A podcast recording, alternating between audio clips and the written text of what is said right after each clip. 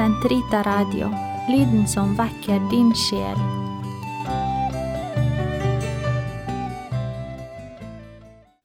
Den katolske kirkes katekisme, uke 40, mandag 748 til 757.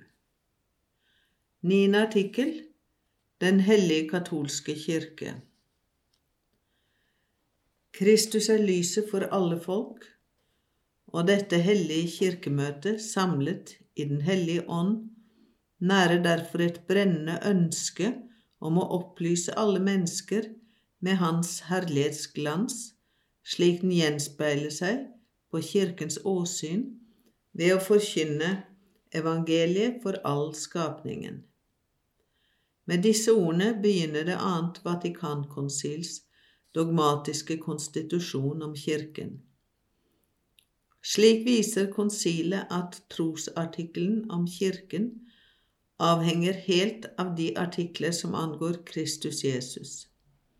Kirken har ikke noe annet lys enn Kristi lys. Ifølge et bilde yndet av kirkefedrene kan den sammenlignes med månen hvis hele lys er et gjenskinn av solens. Leddet om Kirken avhenger også helt av trosartikkelen om Den hellige ånd, som kommer like før.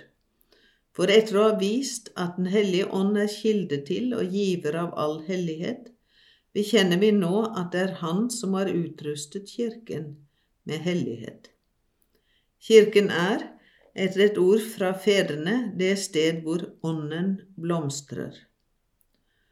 Å tro at Kirken er hellig og katolsk, og at den er én og apostolisk, som trosbekjennelsene fra Nikea og Konstantinopel legger til, kan ikke skilles fra troen på Gud Faderen, Sønnen og Den hellige ånd. I apostlenes trosbekjennelse bekjenner vi at vi tror på én hellig kirke, credo ecclesiam, og ikke på kirken, for ikke å blande sammen Gud og hans skaperverk, og forklart å henvise til Guds godhet alle de gaver han har utstyrt Kirken med. Første avsnitt Kirken i Guds plan. Navn og bilder på Kirken. Ordet eklesia, kirke, gresk eklesie, eklesia av ekskalein, å kalle ut betyr sammenkalling. Det brukes som folkeforsamlinger, vanligvis av religiøs karakter. Uttrykket blir ofte brukt i det greske Gammeltestamentet for å betegne det utvalgte folks forsamling i Guds nærvær, især samlingen på Sinai, hvor Israel tok imot loven og ble opprettet av Gud til å være hans hellige folk. Ved å kalle seg eklesia viser den første menighet av dem som var kommet til tro på Kristus, at de, seg, at de så på seg selv som arvtakere til denne forsamlingen. I den kaller Gud sammen sitt folk fra alle jordens ender. Betegnelsen Kyrie som church, kirke, kirke, er avledet av, betyr den som hører Herren til. I kristen språkbruk betegner ordet kirke den liturgiske forsamling, men også lokalkirken eller hele kristenheten. Disse tre betydningene er i virkeligheten uløselig knyttet sammen. Kirken er det folk som Gud samler i hele verden. Den eksisterer i lokalkirkene og virkeliggjøres som liturgisk forsamling, fremfor alt i eukaristien. Den lever av Kristi ord og legeme, og blir slik selv Kristi legeme. Symboler på Kirken I Den hellige skrift finner vi en mengde bilder og skikkelser som står i forbindelse med hverandre, og gjennom hvilke åpenbaringen taler om Kirkens uuttømmelige mysterium. De bilder som er hentet fra Det gamle testamentet, utgjør variasjoner over samme grunntema, nemlig Guds folk. I Det nye testamentet får alle disse bildene et nytt midtpunkt, i og med at Kristus blir høvding for dette folket, som fra nå av er hans legeme. Rundt dette midtpunktet samles så bilder hentet fra gjeterens eller bondens hverdag, fra byggmesterens virke, eller også fra familielivet og bryllupshøytiden.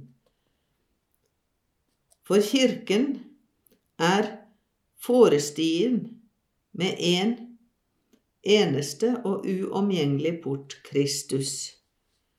Den er også fåreflokken Gud selv har forutsagt at han skulle være dens hyrde, og selv om den ledes av menneskelige hyrder, blir de får som tilhører den, allikevel ført og uavlatelig næret av Kristus selv, den gode hyrde og hyrdenes overhode, han som har gitt sitt liv for folkene, fårene.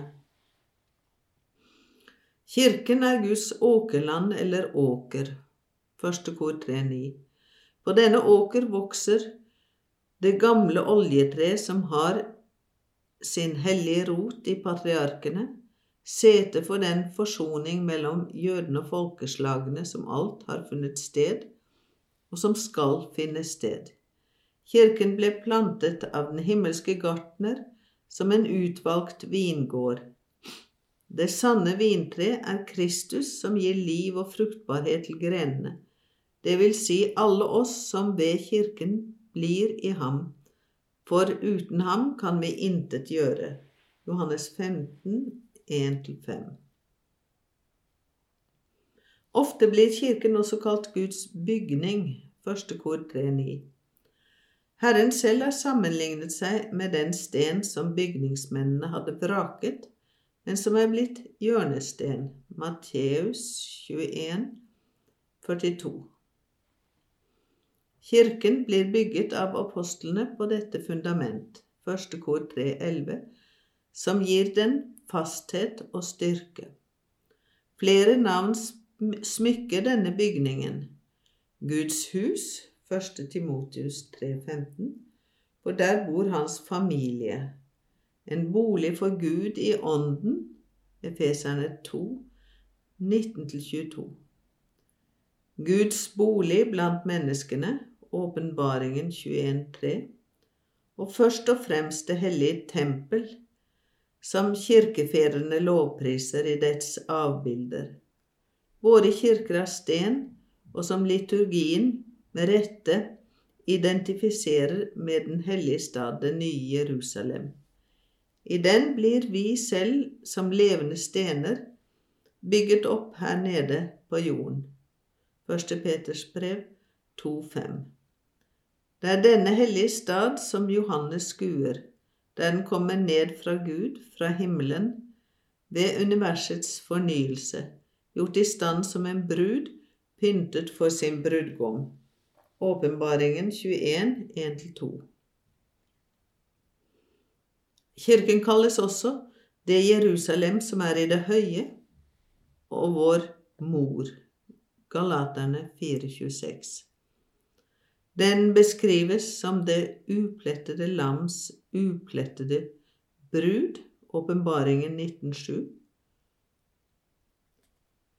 som Kristus elsket og ga seg selv for, for å hellige den, Efeserne 5, 25-26, som han knyttet til seg ved en uoppløselig pakt, og som han uopphørlig nærer og pleier.